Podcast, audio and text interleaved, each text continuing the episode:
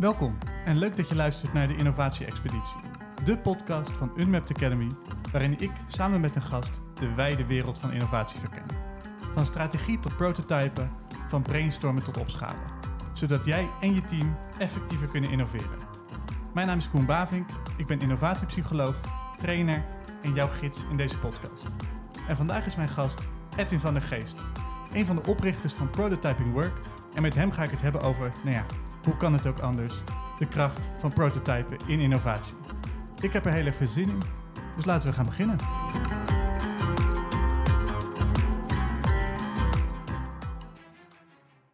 Zo, Edwin, daar zitten we. Yes! Welkom, welkom in de podcast. Dankjewel. Ja, ja, jij zegt dat je er zin in hebt, maar ik wil helemaal. Ja, want uh, ik, nou, ik, ben, ik ben heel blij dat je er bent. Want ja, je hebt een, ga je zelf waarschijnlijk zelf vertellen, ontzettend veel ervaring in prototypen. En prototype is voor mij echt het, nou ja, het hart van het hele innovatieproces. Van, ja, hoe kom je nou, je hebt een mooi idee, maar prototype is de manier om het van een idee de echte wereld in uh, te krijgen. Dus Ja. we gaan zo meteen ook voor mensen die nu denken, ja, prototypen, ik weet wel een beetje wat het is, maar ja, wat, wat is het nou exact? Gaan we zo meteen helemaal op in. Uh, maar eerst wil jij jezelf nog een beetje wat verder voorstellen.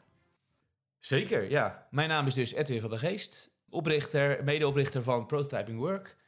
Woonachtig in Noordwijk eh, en een achtergrond in IT, helemaal niet zozeer in eh, eh, organisatieverandering en prototypen, maar gaandeweg enorme interesse daarin ontwikkeld. En dat houdt me inmiddels nu al een jaar of vijf, zes bezig, Ja, waarbij ik organisaties daar, daarbij help. nou, Ja. prototype komt, komt natuurlijk oorspronkelijk uit de IT of uit de productiesector, maar ook uit de... Ja. Dus ja, heel erg ingeburgerd in de IT. Ja, sector. IT en productinnovatie. Ja. Hè, dus daar, eh, eh, daar heb ik in het verleden aan mogen proeven. Eh, in, in de context van IT voor klanten. Hè. Ik werkte bij een IT- of detacheerorganisatie, Incentro heette zij. Ja.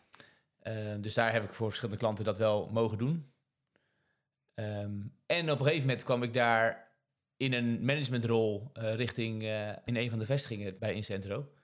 En daar zijn we het voor het eerst gaan toepassen in een hele andere context. Namelijk, eh, we willen onze organisatie verbeteren. Ja, Zouden wij die innovatieve methodes niet kunnen toepassen in de organisatie? en dat bleek te werken. En dat bleek te werken, ja. zoals het met prototypen gaat en experimenteren gaat, eh, gaat het soms goed, maar ook heel vaak mis. Ja. Weet je wel? Dus we hebben ook eh, letterlijk experimenten gedaan waarbij we achter, achterover waren gevallen van, oh, dit hadden we niet moeten doen. Ja, Eh, en achteraf heel logisch. Maar als je dat op voorhand denkt, dan... vooraf dan denk je van, oh, we hebben alles afgetikt, dit, dit moet gaan werken. Ja, en dan, dit, ja, dit wordt een mega succes. Ja, en dan ben je heel blij dat het een experiment is of een prototype is. ja, Eh, want dan heb je dat met elkaar of heel klein geprobeerd. Of eh, eh, ja, eh, dan is het, als het heel klein is, doet het niet zoveel pijn.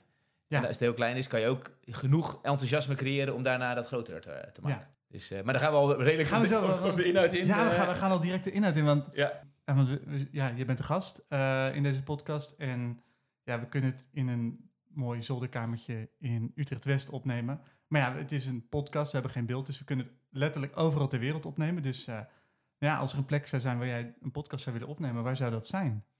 ja, dat is, dat is voor mij eh, Australië en dan nog specifieker Melbourne.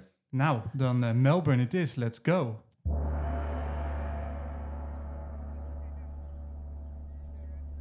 Kijk, en dat is het mooie van de podcast. Binnen een paar seconden staan we midden op Federal Square in Heerlijk. Melbourne. Het, is, eh, het zonnetje schijnt, het is wat warmer dan hier in Nederland.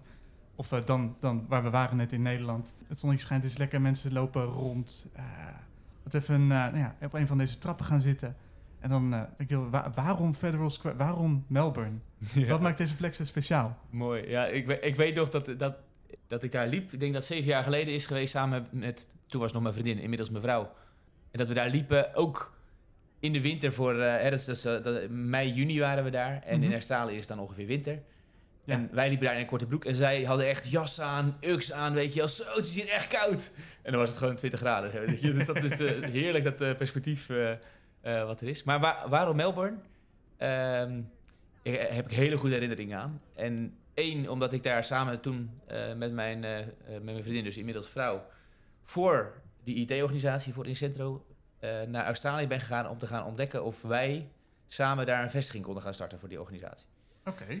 Dus daar hadden we helemaal van tevoren al een plan, een heel netwerk aangesproken om daar mensen mee te spreken. We zijn daar drie weken geweest, waarvan een week in Sydney, een week daartussen een klein beetje vrije tijd en een week daarna eh, in Melbourne. Om gewoon te kijken welke van die twee steden is nou de meest Mhm. geschikte om, eh, om te starten en wat, wat voelt voor ons het beste en met heel veel mensen daar, eh, daar spreken. Ja, En ja, van die Australië, alleen al als je daar landt, denk je van wauw, dit is heel fijn. Die mensen zijn gewoon te gek, super welkom, super sociale mensen allemaal. Ja, en dan specifiek tussen Sydney en Melbourne heeft Melbourne net wat meer de, de vibe waar, waar ik en waar wij de enthousiasten van werden. Dat is iets meer Europees, ja. waarbij Sydney iets meer Amerikaans eh, aanvoelt, hadden wij het gevoel. Iets Europees, iets, iets kleins. Kleiner moet ik het dan zo zien? Of, of kleinere strijks, koffietentjes? Ja, maar dat, he- dat hebben, hebben ze beide wel, weet Ja. je wel. Maar nou, het wordt vaak vergeleken dat, dat Melbourne de, de Londen is en, en Sydney New York. Weet je wel, dat, dat is wel... het zijn alle twee megasteden, Ja, maar wel met een andere vibe. Cool. Dus eh, nou ja, nu terug in Melbourne voor deze podcast. Ja, heerlijk. En eh, het zonnetje schijnt en we gaan het hebben over prototypen. Yes. Heel groot, breed, misschien ook wel vaag begrip. Wat, wat is prototypen volgens jou? Nou, ik het, het mooie van eh eh, prototypen is dat het juist iets vaags heel concreet en klein maakt. Ja. En tastbaar, hè? want we praten in de context van innovatie. Daar zijn vaak heel veel ideeën, of, of soms is het ook echt nodig om veel ideeën te kunnen hebben.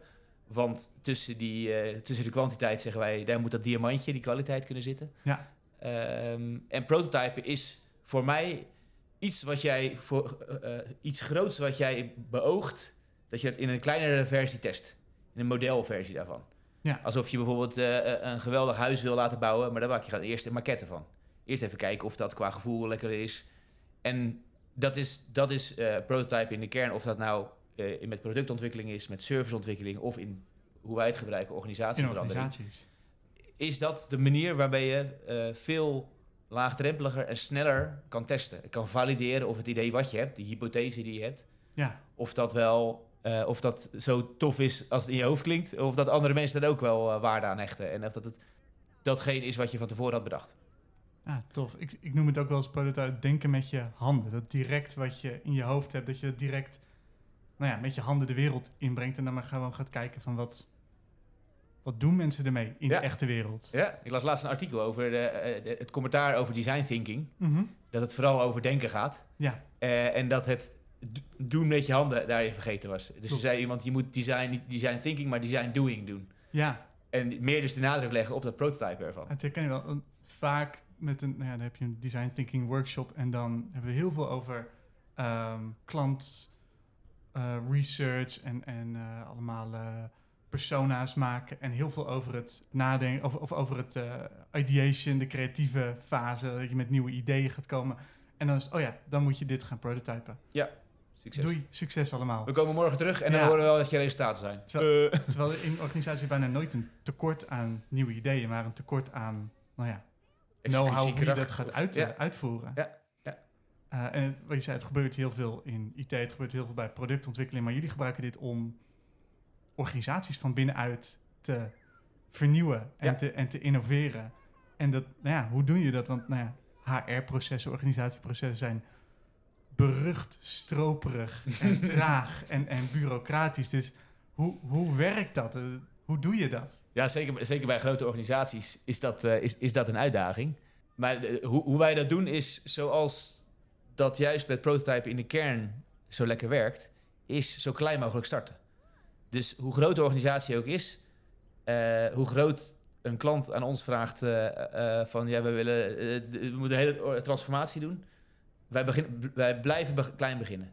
Geef ons één of twee teams. Of, eh, en dat hoeft niet een team waar je dagelijks mee werkt, maar dat kan ook een team zijn hè, die, die. Hè, of, of, of een samenwerking tussen verschillende teams. kan Ja. ook een, een team zijn. En geef ons daar eh, een aantal iteraties, dus een, een ritme eh, van bijvoorbeeld een aantal weken of een aantal maanden, waarmee we eh, gaan kijken van wat zijn nou de grootste obstakels waar we nu tegenaan lopen. Dat zijn voor ons de, we noemen dat tension, hè, dus de, de, de spanning van Ja. waar je bent, waar je nu staat en waar je zou kunnen of willen zijn. Ja.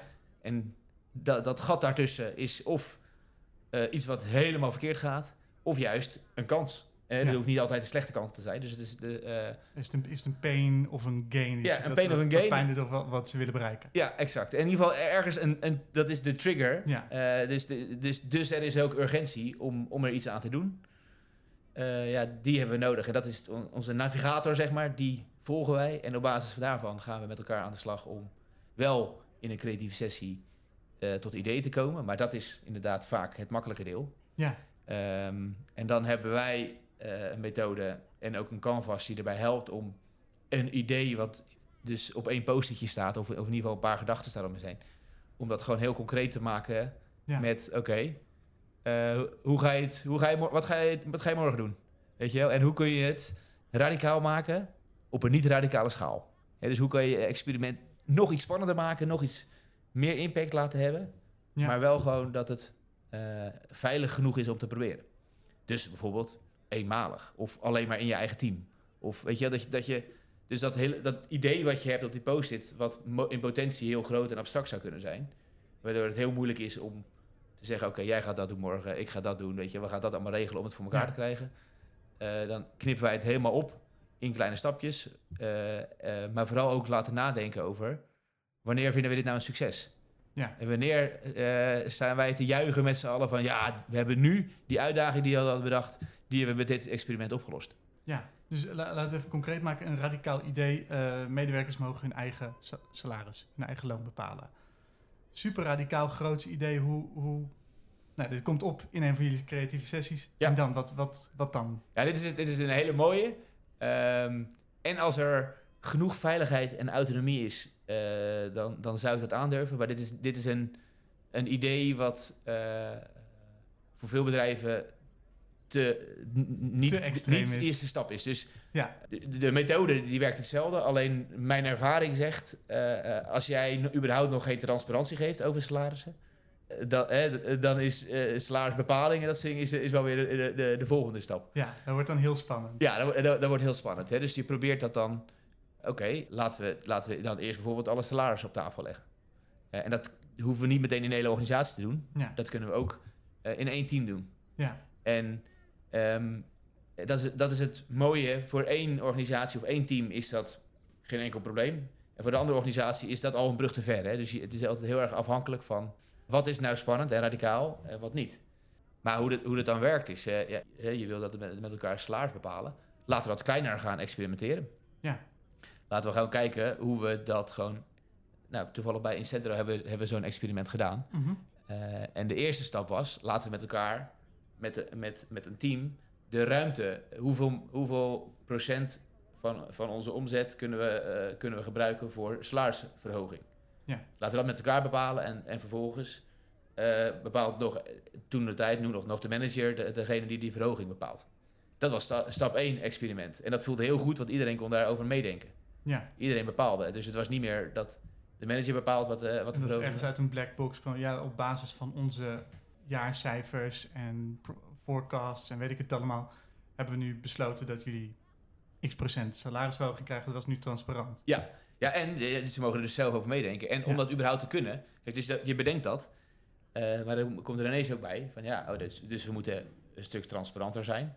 Hè, want we moeten weten, oké, dit, zijn, dit is dan omzet, dit zijn de kosten. Hè, dus je geeft eigenlijk een soort eh, mini-MBA'tje over Ja, hoe het werkt met, eh, met die financiën die er omheen, omheen eh, bij komen kijken waar je rekening mee moet houden. Hè, dus dat zijn eigenlijk alweer een aantal, aantal stappen verder. Maar dat is wel een heel mooi experiment waarmee je kan kijken, werkt dat en werkt dat niet? ja, Ehm, en dan kan je dat, eh, als je daar een veiligheidsding bij nodig hebt, kun je er nog een veto in hangen. Eh, dat je de manager nog de ruimte geeft als iedereen zegt, ja, we hebben 20% salarisverhoging nodig. Dat de manager zegt, ja, ho even, dat doen we niet. dan bestaan Ja. we volgend jaar niet meer. Dat willen we ook niet, toch? Nee. Weet je, dus dat je dat, dat je dat op die manier kan doen. Dus je kan het ook zo veilig maken. Maar die, met, met dat soort ingrediënten kan je dus spelen bij het ontwerpen van zo'n experiment. Dus als een organisatie al heel ver is, ja, dan is... eh, dan ga je elke keer vanaf het moment waar je, vanaf hoe ver je bent, Mhm. één stapje. En bij, bij het maken van een experiment proberen wij altijd... Ja, kan je het nog even... Kan je het nog iets spannender maken? Nog iets oprekken. Iets het- spannender? Ja. dus ja. het moet een beetje, het moet een beetje Mensen moeten er een beetje ongemakkelijk van worden. Ja, Dat, dat is een beetje de test. Als mensen er ongemakkelijk van worden, dan is het een goed experiment. Maar niet te eng. exact. Ja. Ja. Ja. dus bij het maken hebben we ook een soort checklist. Hè, van oké, eh, ook hoe schaalbaar is het? Hè? Want eh, het is allemaal Ja. leuk dat het één keer eh, te doen is. Maar hoeveel impact kan het maken straks bij de rest van de organisatie? Ja. Of bij de rest van de andere teams? Maar ook inderdaad, hoe, hoe, hoe spannend is het? Hoe radicaal is het eigenlijk? En, maar ook, weet je, hoeveel effort? Want, want als je te veel stappen moet doen eh, en je hebt maar x tijd... Wij proberen altijd een experiment of een prototype binnen drie weken gedaan te, eh, te krijgen. Ja, van, van begin tot evaluatie. Ja, dus je hebt drie weken de tijd om dat idee wat je hebt uitgewerkt tot een prototype... heb je drie weken de tijd om dat te valideren. Ja. Dus gaan we aan de slag. Dus, maar als je dat dan te groot maakt, dan red je dat niet in de tijd. Nee. Het is dus eh, op die manier zorgen we wel weer dat het echt, echt een heel klein versie daarvan is. Ja, Ehm, ja, en dan... dat het echt een prototype wordt in plaats van een, een, een hele organisatieverandering vermomd als Ja. een prototype. Ja, dan, dan, je hebt natuurlijk eh, andere stappen, dan is het een soort pilot. Ja. Dan gaan we vast anders werken. Eh, We gooien het helemaal om. Eh, en dat doen we dan, dat kan je nog steeds in een kleinere vorm. Maar dat is, dan in een, dat is eigenlijk een pilotfase die daar dan weer naast zit. Dat- Daar word ik, daar word ik zelf minder blij van. ja. dat soort dingen. Want een pilot is eigenlijk al- altijd al... Want dan ben je er al zo ver invested. Dat is dan meer een soort bewijs die je nodig hebt om iets te doen wat je toch al om te wilde doen. mogen opschalen. Ja, ja. weet je wel, ja. Doe het dan niet. En de juiste kracht van prototype is dat het ook mag falen. Ja. Een pilot mag niet meer falen. Ja. Een prototype wil je ook gewoon misschien wel drie naast elkaar doen, waarvan er twee falen en één echt een mega succes is. ja. Dat wil je, dat wil je bereiken. Eh, pilots is, is, is de, de vraag is ook anders vaak. Bij, bij pilots gaat het vaak over wat werkt het ja of nee. En bij een pro- prototype gaat het over oké, wat werkt er wel, wat werkt er niet. En Ja. wat kunnen we doen om het te verbeteren. Dus veel meer Ja. verkennend Ja. dan, dan testend. Ja, wij gebruiken vaak de metafoor van Angry Birds. Ken het, eh, het Ik, spelletje? ken- ik ken het spelletje. Ik ben, ik ben er wel telefoon? een tijdje, nou niet verslaafd aan geweest, maar wel, eh, ik was er wel goed in. Nou ja, kijk, eh, dat, dus ben je ook goed in prototypen. Ja. Wij gebruikten die metafoor voor de mensen die eh, Angry Birds niet kennen. Dat was dat, dat die, een van de eerste smartphone echt. Eerst applicatie viral games ja, die, die viral ging. game. Waarbij je met een eh katapult vogeltjes moest schieten naar eh, tegenstanders. Ja. Die groene varkentjes. Hè? Ik weet ja, die groene en, eh, en die waren dan beschermd tussen allemaal blokken en Ja. ijsschotsen en noem, noem het allemaal maar op. Precies. En je had allemaal verschillende vogeltjes die, die we anders konden doen. Eentje was een bom, eentje kon supersnel en veel impact maken. En, en eentje kon uitsplitsen in de W3. Nou, Ja. Dus dat, die verschillende vogels waren, zijn de verschillende prototypes. Je kan verschillende ideeën bedenken. Die kan je ook nog anders richten. Die katapult kon je op andere manieren kon je die richten. Ja. En die obstakels liggen elke keer anders. Ja. En hè, dus dat is, die gebruiken we vaak als metafoor. En als je schiet, dan kunnen er drie dingen, of, eh, twee dingen gebeuren. Je raakt of je mist. Als je raakt, dan is de prototype een mega succes. Ga je naar het volgende level. Als je mist, weet je ook een beetje hoe ver je hebt gemist. Eh, hè, dus ook, het- ook het missen is een heel leerzaam iets. Ja. Dus dat kan je weer gebruiken. Oh, de volgende keer heb ik even een ander vogeltje nodig. Of ik moet even iets anders richten. Om dat voor elkaar te krijgen. Ja, Dus dat, die metafoor, weet je. Dus ik kom nu wel eens in organisaties die zeggen... Ja, ik heb weer even een Angry Bird geschoten. Want ik heb... eh, ja, daar word ik natuurlijk heel blij van als iemand zo'n metafoor daarvan daarvan een gebruikt. katapultje op een bureau. Ja. Staan, dus snoepjes kun je ermee schieten. Ja. Het is wel, mooi, want dat is inderdaad ook een, een, wat ik vaak merk bij organisaties, dat ze dan zeggen, ja, we falen mag. Terwijl eigenlijk zou je moeten zeggen, falen moet, want falen is een vast onderdeel van het proces om te leren. Het is gewoon, Ja. het hoort er helemaal bij. Als mensen zeggen falen mag, dan zit er vaak achter, ja, maar eigenlijk niet. Ja, precies. Liever niet. Nou, en en ehm, falen om te falen, of in ieder geval zeggen dat het falen mag, eh, zonder dat je daar eh, van leert, dus Ja. zonder dat je daar iets van een retrospectief eh, of een evaluatie op doet, dan, ja, dan blijf je falen. Dat Ja. is ook niet wat je wil bereiken. Hè? Je wil wel groeien. Dus je wil, Ja. en, en dat is proberen wij, wij proberen vooral een lerende organisatie te creëren. Hè? Dus wij doen Ja. dat wat, datgene wat wij doen met prototypen, doen wij niet eenmalig. Maar wij proberen, een- wij proberen of wij creëren een ritme. Waarbij je dus iedere drie weken nieuwe prototypes maakt. Ja. En wij zeggen eigenlijk ook, je, je, wil er, je wordt er ook beter in, prototypes maken. We zeggen ook gewoon, je eerste prototype is eigenlijk je eerste pannenkoek. Weet Ja. je, die gaat net mis, je schiet, je schiet altijd mis eigenlijk. En dat geeft niks. Ja, Eh, dat is ook onderdeel van het leren van ja. hoe werkt prototypen en, en hoe maak je dat en Precies. wat voor dingen wil je ook testen. Ja, ja. Die idee heeft heel veel aspecten die je kan testen natuurlijk. Ja, hoe, hoe veel wij mensen ook kunnen eh, uitdagen om een spannende prototype te bedenken. Eh, de eerste prototype is eigenlijk nooit heel spannend. En dat, maar, en dat geeft helemaal niet. Nee. Vinden wij helemaal niet erg. En als die misgaat, ook helemaal niet erg. Want eigenlijk, eigenlijk mooi, want dan kunnen we in de tweede sessie juist het, de kracht van het leren ook eh, aangeven. Dus we gaan met elkaar gewoon kijken, oké, wat is er gebeurd? 9 van de 10 keer, ja, we hadden geen tijd. Of hij was toch te groot, weet je wel? Dat, dat soort, Ja. eh, eh, oké.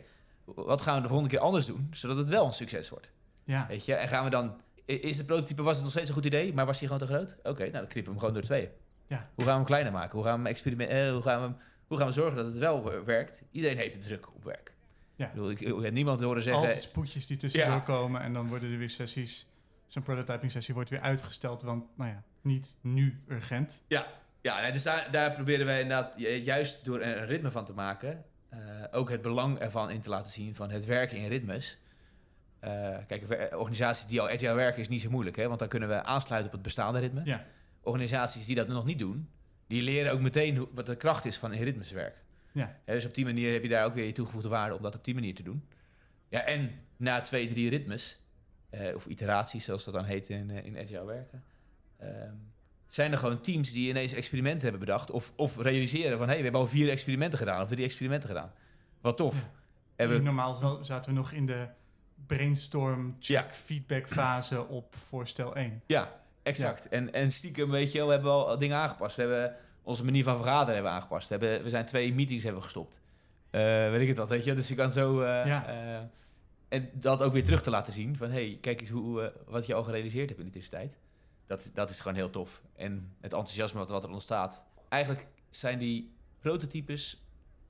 Is de oppervlakte, zeg maar. Dat zijn de Mhm. experimenten Ja. eh, eh, die ook echt wel impact hebben. Maar vooral die onderstroom bij mensen... dat ze, dat ze eh, één, het vertrouwen voelen dat ze dus dingen kunnen experimenteren, dat ze dus kan, Ja. kunnen falen op een veilige manier. hebben.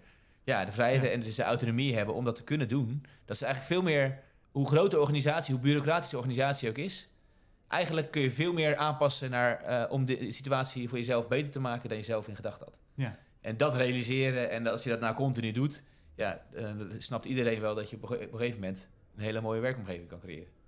Dat is wel mooi dat je dat zegt, want nou ja, voor prototypen is een soort, en innoveren is een bepaalde mindset nodig, maar door het te doen, creëer je ook weer die mindset. Ja, en, en ja, eh, eh, bij de ene leg je dat, leg je dat meer uit, hè, wa- waarom je dat doet. En bij de andere ga je gewoon beginnen en gaan ze dat ervaren. Hè, dus dat is een beetje afhankelijk van, van je doelgroep. Maar dat is, dat is het inderdaad. Je creëert een veilige omgeving. Je gaat gewoon met elkaar gewoon kijken welke experimenten werken, welke niet. Ja. Wat komt eruit? En eh, op- die manier ga je daarmee aan de slag. Ja. En je hebt dit natuurlijk bij heel veel organisaties gedaan. Wat zijn nou voorwaarden die in een organisatie aanwezig moeten zijn of in een team die er moeten zijn om dit succesvol te kunnen doen? Of kan het in elk team? Ik, ik, ik ben geneigd te zeggen, het kan in elk team. Eh, want an- dan zouden de eerste experimenten zijn om die voorwaarden te creëren. Ja. Maar er is wel een voorwaarde. Kijk, eh, eh, de ideale situatie is, ik zie zo'n Venn-diagram voor me, weet je wel, met die, met die Ja. blokjes die over elkaar zitten. Is een team die dat mag, hè, dus die de die ruimte ook krij- ook krijgt van, de, ehm, van, de van het management als daar, als daar Ja. hiërarchie boven zit. Die kunnen, dus die ook in staat zijn om dat, om dat te kunnen doen, die, die het concept eh, eh, snel onder de knie krijgen en die het ook willen. Dus die eh, de tijd en ruimte voelen, maar ook gewoon zin hebben om er aan de slag te gaan. Weet je, dus die, dat, dat is ideaal. Dat is niet bij ieder team, want is- dus meestal is er wel, wel is er een van die drie bolletjes die niet helemaal, Ja, helemaal aligned is met de rest. En dat geeft niet. Kijk, als, het- als ze het niet kunnen, dan leggen we meer de nadruk op de training ervan. ja, Ehm, als ze het niet willen, dat is, dat is natuurlijk wel een hele lastige. Ja. Eh, Is dat de meest cruciale? Ja, ja maar daar, daar is wel aan te werken. Want als ze misschien in de eerste sessie nog een, beetje, een klein beetje hak in zand hebben, kunnen wij wel met het enthousiasme die wij daarin meebrengen eh, en de laagdrempeligheid ervan, kunnen we ze wel in beweging krijgen. En op die manier hebben, hebben wij mensen meegekregen die nu, eh, die, die nou, toen met hak in zand zaten, die nu met de tenen in zand meesten te duwen van wat tof, wat, wat gaat ons volgende experiment worden. Dus eigenlijk prototypen, iedereen kan het. Iedereen kan, dat 100%. Ja. 100%. Ja. En zeggen volgens mij, eh, als je, ja, we hebben nu een klein kind, nu vier maanden vandaag precies. Ehm, en als je dan, ja, dus ook alleen maar oefenen en falen en eh, weer opnieuw proberen en oefenen en proberen en falen en nog een keer proberen. Ja. Dat is ook, ja, leren is uiteindelijk alleen maar prototype. Alleen dan eh, Exact. vergeten we dat op een gegeven Dat moment. vergeten we. Ja, maar Ja. dat is net zoals dat dat, is ook logisch. Dat je in organisaties ook het, het, speelse een beetje kwijtraakt. Ja, Tenminste, in veel organisaties. Dat is natuurlijk niet bij alle, maar... aura wat om professionaliteit heen hangt. Ja. Een soort serieusheid of ernst. Ja, we zijn toch volwassen? zijn. We Weet zijn je wel? volwassen, ja. Oh nee hoor, ik, eh, eh, dus ik, ik stop eh, sessies ook graag vol met energizers om het gewoon leuk te maken. En wij, wij geloven ook oprecht dat waar er energie is om te veranderen, daar ga je de grootste impact maken. Ja, dus wij proberen ook, ja, dus we- ik zei, hè, we beginnen bij organisaties, of, of ze nou een grote of kleine verandering willen, altijd klein. Gewoon twee Ja. teams, drie teams. Hè. Het is wel fijn om bijvoorbeeld een vergelijking te kunnen maken tussen het ene of het Ja. andere team. Hè. Dus twee, twee teams bijvoorbeeld. En als zij enthousiast zijn, dan gaan andere teams wel vragen van... joh, wat gebeurt daar? Ja. Mag ik een keertje aanhaken? mogen we ook meedoen? Mogen we ook meedoen? Dat is, dat is al zo vaak gebeurd. Dat, dat, dat, dat zijn gewoon de ambassadeurs eh, voor de rest van de organisatie. Ja. En dan ontstaat er een beweging. Nou wordt echt een sneeuwbol. En dat is effect. een veel mooiere verandering dan eh, die traditionele veranderingen bij zo'n organisatie. Dus een corporate die dan van boven een extern bureau Ja. heeft gevraagd om een, eh, om een, eh, een veranderplan te schrijven. Ja. Enorme analyses en weet Als ik ze het een ook beetje nog. hip zijn, hebben ze er nog een mooie tekening bij gemaakt. van waar we Precies. naartoe gaan. Die schudden een beetje aan de boom. En, en, maar dan ga je praten over draagvlak creëren, Ja. uitdagingen mitigeren en zo. Nou, dat zijn woorden waar ik, waar ik rillingen van krijg. Ja. Want die, wil, die hebben het helemaal niet over draagvlak. Als mensen eh, zelf ermee aan de slag kunnen, dan, ja, dan, dan zijn ze zelf autonoom in waar ze, waar ze naartoe kunnen. Ja. Kijk, het enige, de voorwaarde die je daarin kan scheppen als organisatie is dus... je geeft ze autonomie en vrijheid om, daar te, eh, om in daarin te bewegen. En het kan helpen om wel een richting te bepalen. Dus waar ga je heen? Wat zijn de kaders waarbinnen je dat mag doen? Mogen we wel of niet bijvoorbeeld aan het salaris zitten? Dat, is, dat kan je Ja. letterlijk... Als je, kijk, als dat maar duidelijk is... check. Als we Oh. gewoon weten dat het niet Ja. zo is... dat we daar niet mogen zitten, mooi. Dan gaan we aan andere dingen draaien, weet je wel? Ja. Dat, dat is beter dan dat niet zeggen en achteraf zeggen... nee, dat had niet gemogen, weet je wel? Dan, want dan, Dus transparantie is ook wel belang, een belangrijke voorwaarde Ja. om te kunnen beginnen. Wat Tra- mag wel, wat mag niet. Transparantie inderdaad, ja, dus eigenlijk die, die voorwaarden inderdaad, een beetje een soort eh, de, de, de, stoeprandjes net iets hoger Ja. maken, weet je, wel, dat, het, eh, dat je daar een Hier, beetje... hier, dit is onze speelruimte, daar hebben we zoveel tijd voor en hier mogen we mee. Ja. Klooien binnen deze kaders. Ja. En niet dat je na afloop hoort van, oh, dit is wel leuk, eh, leuk dat jullie bedacht hebben, maar dit, eh, dit Exact. gaan we niet doen. Ja, exact. Nee, exact dat. Ja, ik, ik gebruik vaak de metafoor van, eh, er is zo'n eh, onderzoek geweest eh, op, een, op twee verschillende basisscholen, dat noemden ze de Playground Study. En daar was één speeltuin zonder alle, alle hekjes. Mhm. En ieder kind speelde gewoon in de buurt van de juffrouw. Ja. Ehm, Omdat ze die, die, niet weten waar ze al- allemaal mochten komen. Dus al die speeltoestellen die er waren, maakten ze geen gebruik van. En in het andere hadden ze dus juist die hekjes neergezet op het speelterrein. En iedereen speelde overal. Tot in die hoekjes die er ook maar mochten, weet je wel. En dan gaan ze Ja. er overheen kijken en zo. Maar eh, om maar het verschil aan te geven, juist die kaders, juist duidelijkheid in wat wel en wat niet kan. Ja, schep ook Eh. veiligheid van dat, oké, dit hier binnen mag ik dus Ja. spelen, experimenteren, Exact, doen. ja. Ja, dat is een, eh, überhaupt al een mooi voorbeeld omdat het over spelen gaat. Maar Ja. ja, ja. Cool. Hey, en je zijn nu een aantal jaar bezig natuurlijk met prototyping work. Wat nou ja, ze waarschijnlijk ook zelf heel veel geprototyped daarin. En vooral als, als je kijkt van hoe jullie het nu aanpakken en hoe jullie begonnen zijn. Wat is nou de grootste ding wat jullie veranderd hebben in jullie aanpak, in jullie sessies, om, om succesvol te zijn? ik begin te lachen omdat eh, ja, eh, wij, wij prototypen ook. En eh, elke volgende sessie is anders dan, de- dan, die, dan die vorige. Omdat wij dat lerende vermogen wel echt proberen in te bouwen bij onszelf. Ja, En dus elke keer kijken, oké, hoe kunnen we nou nog iets beter maken en anders maken. Maar hoe we begonnen waren, was gewoon... eh, jij noemt mij een uitdaging. Wij bedenken met elkaar wel experimenten en we gaan aan de slag. Maar die uitdaging, die, eh, die, eh, zoals Einstein altijd zegt... Als je een uur hebt om een, een probleem op te lossen... heb je 55 minuten nodig om naar het probleem te kijken... en vijf minuutjes voor die oplossing. Ja. En in het begin was het gewoon... oké, dit is je uitdaging, mooi. Gaan we gewoon experimenten bedenken. Dus zonder goed te kijken naar die uitdaging. ja, Dus wat we hebben ingebouwd is nu een systeem waarbij we net genoeg naar die uitdaging kijken, zonder dat dat een soort volledige analyse wordt waar je drie maanden mee bezig bent. Eh, dus dat, dit kan je gewoon in een half uur doen, waarbij je wel eventjes de context schept. Wat is nou het- de uitdaging? Is de uitdaging ook niet te groot? Of eigenlijk noem je hem zo, maar als je hem even iets anders hè, reframed, eh, uit de design thinking Ja. gedachte, als je hem reframed naar iets anders, is die dan niet wat concreter en makkelijker en leuker om op te lossen? Hè? Om te zorgen dat er weer energie in zit. ja, Dus we hebben, we hebben dat er eigenlijk aan toegevoegd door beter te kijken. Waardoor je ook, eh, de, de, ook vanuit de psychologie die action bias, dat mensen geneigd zijn als iets pijn doet, weer het oplossen. Om meteen naar die oplossing te schieten. Eh, dat voorkomen we dus door eerst eventjes goed te kijken naar die we noemen dat dan de tension, hè, die uitdaging. Ja. Om dat even goed te beschrijven. Waarom, in welke context, wie hebben er allemaal last van. En ook in het kader van niet eerst eh, niet alleen maar zelf denken, maar ook doen. Hebben we er ook een, een opdracht in zitten van oké, als jij nou iemand nu zou opbellen, welke vragen zou je hem stellen over deze uitdaging? Dus dan schrijven ze drie, vier vragen op. En nu bellen. ja. Ja. Dus meteen aan de slag. Nou, bel Oh, maar. Shit, en we telefoon Ja, dus dat is eventjes die, eh, die eh, van, oh, moet ik nu al aan de slag om te bellen? Dat is spannend. Dat is spannend. Eh, Ja. En doordat het iemand voor het blok zet. Eh, en altijd, als je dan vraagt, was het waardevol? Super waardevol, want ik had nog niet aan deze, deze, deze dingen gedacht. Ja. Weet je, dus dat, dat, dat hebben we dus geleerd om Dat je daar... een beetje van meerdere kanten bekijkt en, en dat je met die hele groep waarschijnlijk een, een zelfde definitie hebt van de uitdaging. Dat niet Pietje denkt, oh, het gaat over Ja. ehm, de betrokkenheid van Ja. mensen. En dat Jentje denkt, nee, maar het gaat over de beheersbaarheid van kosten. Ja. Dat kan dezelfde uitdaging zijn, maar wel vanuit de hele andere kant bekijken. En dan kon je met hele ja, vage oplossingen natuurlijk Exact. niet echt. Ja. Ja, hoe, hoe abstracter de uitdaging omschreven is, hoe abstracter, eh, of in ieder geval, hoe breder ook de, al, die oplossingen gaan. En het wordt Ja. het juist moeilijker. En dan wordt het moeilijk om te kiezen, oké, Ja. welke gaan we uitkiezen om te prototypen. Het is let- letterlijk eh, de, ehm, eh, de double diamond. Hè? Dus eerst even Ja. het probleem iets beter Goed beschrijven. definiëren. Want hoe beter je dat, hoe concreter je dat beschrijft, hoe makkelijker je daarna ook je, naar, je, naar je oplossing kan gaan. Ja. Ja. En dan de focus op het, eh, op het prototype. Ja. En niet op het... eh, Exact, ja. Op de Want uiteindelijk, eh, dat, dat is ook waar, waar, waar altijd de meeste energie zit.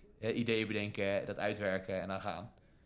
Eh, dus daar, eh, daar, daar, wil- daar willen mensen ook naartoe. Daar, maar, en ik heb persoonlijk ook die neiging, weet je wel, om ja, snel naar toffe dingen te gaan.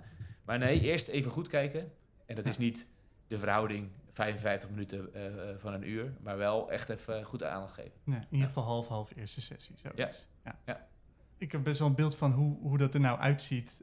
Hoe jullie organisaties helpen om hun processen en hun hele HR, stroperige HR-structuur op de schop te doen. Dan lopen we ook een beetje tegen het einde van de tijd. Maar ik wil nog even afsluiten met een, nou ja, een schoolvoorbeeld van prototypen wat, eh, wat jullie hebben, zelf hebben ondernomen.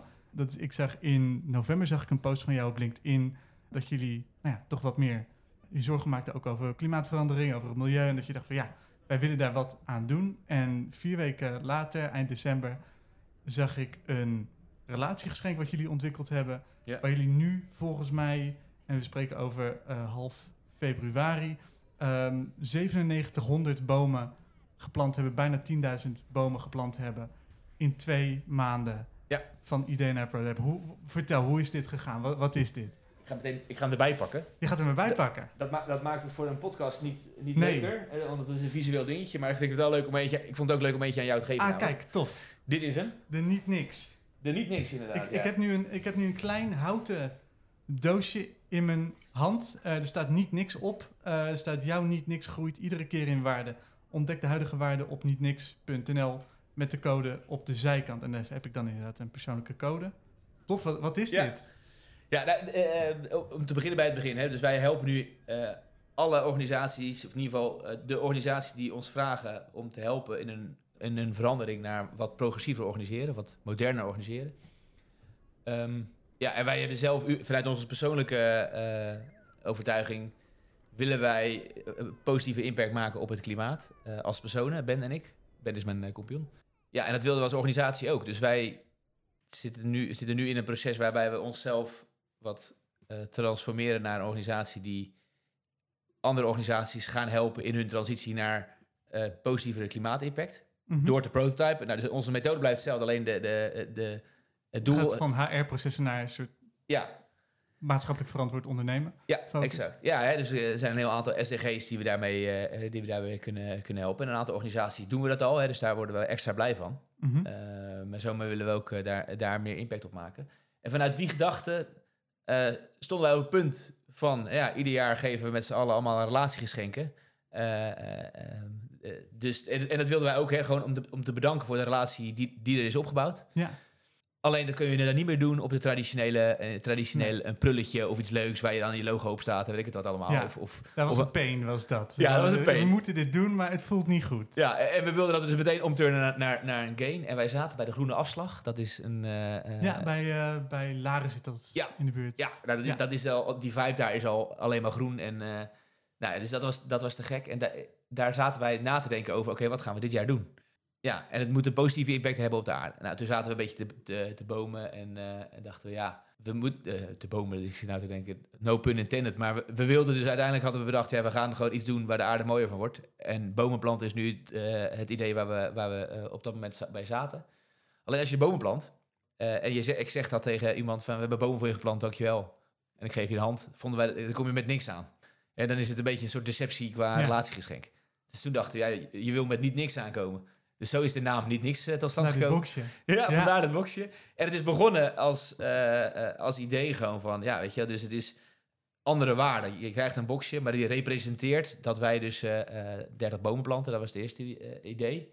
Ja, en, en dat, dat idee hebben we niet meer losgelaten. Daar is zoveel energie voor, voor ontstaan dat we alleen maar avonden, weekenden daarmee bezig zijn ja. geweest. Naast ons werk, om dit voor elkaar te krijgen. Want, want het moest ineens heel snel.